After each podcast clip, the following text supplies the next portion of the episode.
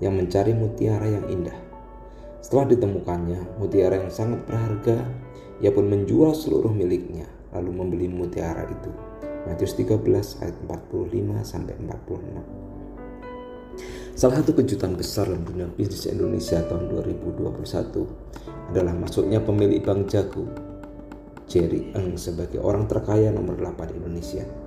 Padahal tahun sebelumnya tahun 2020 beliau masih menempati peringkat 44. Kisah keberhasilannya ini diinspirasi dari tahun 2014 ketika beliau memesan taksi di Silicon Valley. Ternyata temannya menawarkan untuk memakai Uber.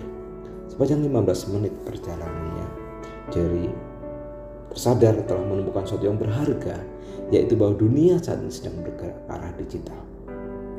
Sebagai seorang pegawai bank, beliau mulai mengangan-angan suatu saat dapat memiliki bank digital, sesuatu yang baru di ranah perbankan saat itu. Kesempatan itu datang ketika akhir 2019 pemilik Bank Artos bermaksud menjual banknya. Kemudian Jerry Eng dan temannya menjual seluruh kekayaannya untuk membeli bank tersebut dan mengubahnya menjadi bank digital yang bernama Bank Jago.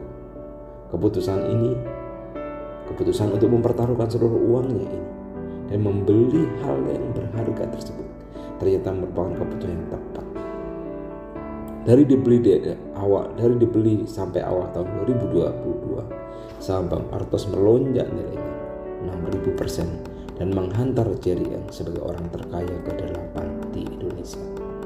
Saudara-saudara terkasih, apakah yang menjadi mutiara yang berharga bagi saudara hari ini?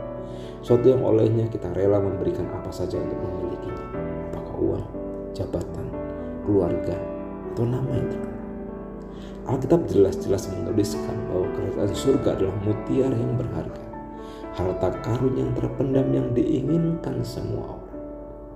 Bagian lain dari surat Paulus mengatakan kerajaan Allah bukan terdiri perkataan, tetapi dari kuasa. 1 Korintus 4 ayat 20. Hal ini menggariskan bahwa yang dimaksud kerajaan surga bukan hal-hal lahiriah, tapi perkara-perkara rohani. Tampilan bisa sama-sama, ini berupa kata-kata. Tapi kuasa yang membedakan apakah kata-kata tersebut berasal dari surga atau dari hikmat dunia ini. Banyak orang saat ini mau memiliki harta berharga tapi tidak mau membayar harganya. Ingin diberkati tapi tidak mau memikul salib. Ingin diurapi Tuhan tapi tidak menjaga kekudusan. Ingin jadi pemimpin tapi tidak mau menjadi hamba.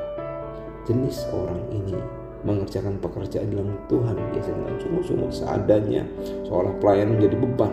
Padahal seharusnya hal tersebut adalah perkara yang mulia.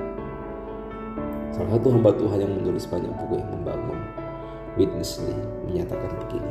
Ketika dia ditanya oleh seorang kenapa pengajarannya begitu diurapi dan membangun banyak orang? Dia menjawab karena saya tidak membiarkan iblis memiliki celah apa pun untuk mendak Harga yang murah adalah untuk barang yang murah. Jika Anda menginginkan mutiara yang berharga, maka bayarlah harganya dengan mahal. Saudara-saudara terkasih dalam Tuhan Yesus Kristus, kalau Jerry Eng melihat bank digital sebagai platform yang berharga di masa depan dan rela menjual semua yang dimiliki untuk membeli saham bank yang kemudian akan diubah di bank digital dan kemudian lambungkan kekayaannya. Bagaimana saudara hal tersebut menjadi mutiara yang besar yang sudah rela menjual seluruh apa yang sudah miliki untuk memperolehnya. Terima kasih Tuhan Yesus memberkati.